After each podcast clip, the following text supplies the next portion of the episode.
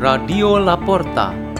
The door is open for you for the growing of knowledge and wisdom of God. By Marcus Eko Bonorianto, lay minister of the parish of St. John Bosco, Danau Sunter, Jakarta.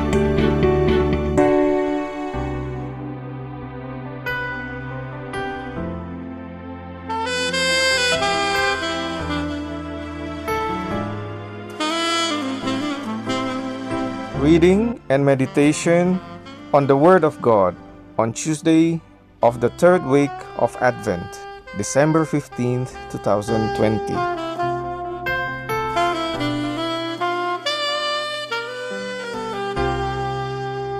The reading is taken from the Holy Gospel according to Matthew, chapter 21, verse 28 to 32. Jesus said to the chief priests and the elders of the people, What is your opinion? A man had two sons. He came to the first and said, Son, go out and work in the vineyard today. The son said in reply, I will not. But afterwards he changed his mind and went. The man came to the other son and gave the same order. He said in reply, Yes, sir, but did not go. Which of the two did his father's will? They answered, The first. Jesus said to them, Amen, I say to you, tax collectors and prostitutes are entering the kingdom of God before you. When John came to you in the way of righteousness, you did not believe him, but tax collectors and prostitutes did.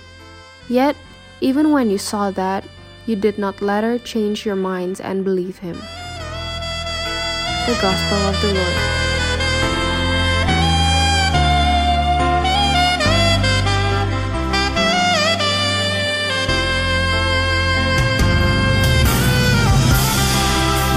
For our meditation today is We sin, but we believe. There were three priests from different religious congregations and dioceses happened together on a particular occasion. This could be seen as the reunion after many years of not seeing each other. They are alumni of a primary school who, after completing their secondary school, each chose his path to become priest in the Catholic Church through the different seminary formations. In a relaxed atmosphere at a coffee shop, they shared meal and told many stories. One of the most interesting stories was when they played in Rectory Garden during the time they were altar boys, who frequented daily mass in their parish church. We know how naughty children can be, and this is very common. It was no exception for those three boys. It happened at around 4 or 5 in the afternoon. After a regular meeting of the altar boys, some of them, including the three, went into the rectory garden. They picked up the low hanging mangoes from trees, so they could just stand and reach the fruits. The big, ripe, and tasty looking mangoes tempted them. However, while they were busy gathering fruits, the parish priest watched them from a hidden place. As they came out carrying the stolen mangoes, the parish priest met them at the garden gate. They were ordered to put all the mangoes on the ground. Then they were directed by the pastor into the church. There, they were given necessary advice and were obliged to pray for forgiveness from the Lord. After that, the pastor allowed them to return to their respective homes, bringing along the mangoes with them. The three boys, who are now priests, bowed to the pastor and all together said, Forgive us, Padre. We have sinned, but we do believe in God. The parish priest was amazed by what the three boys had just said. They certainly learned from their naughtiness, stealing what they should not do.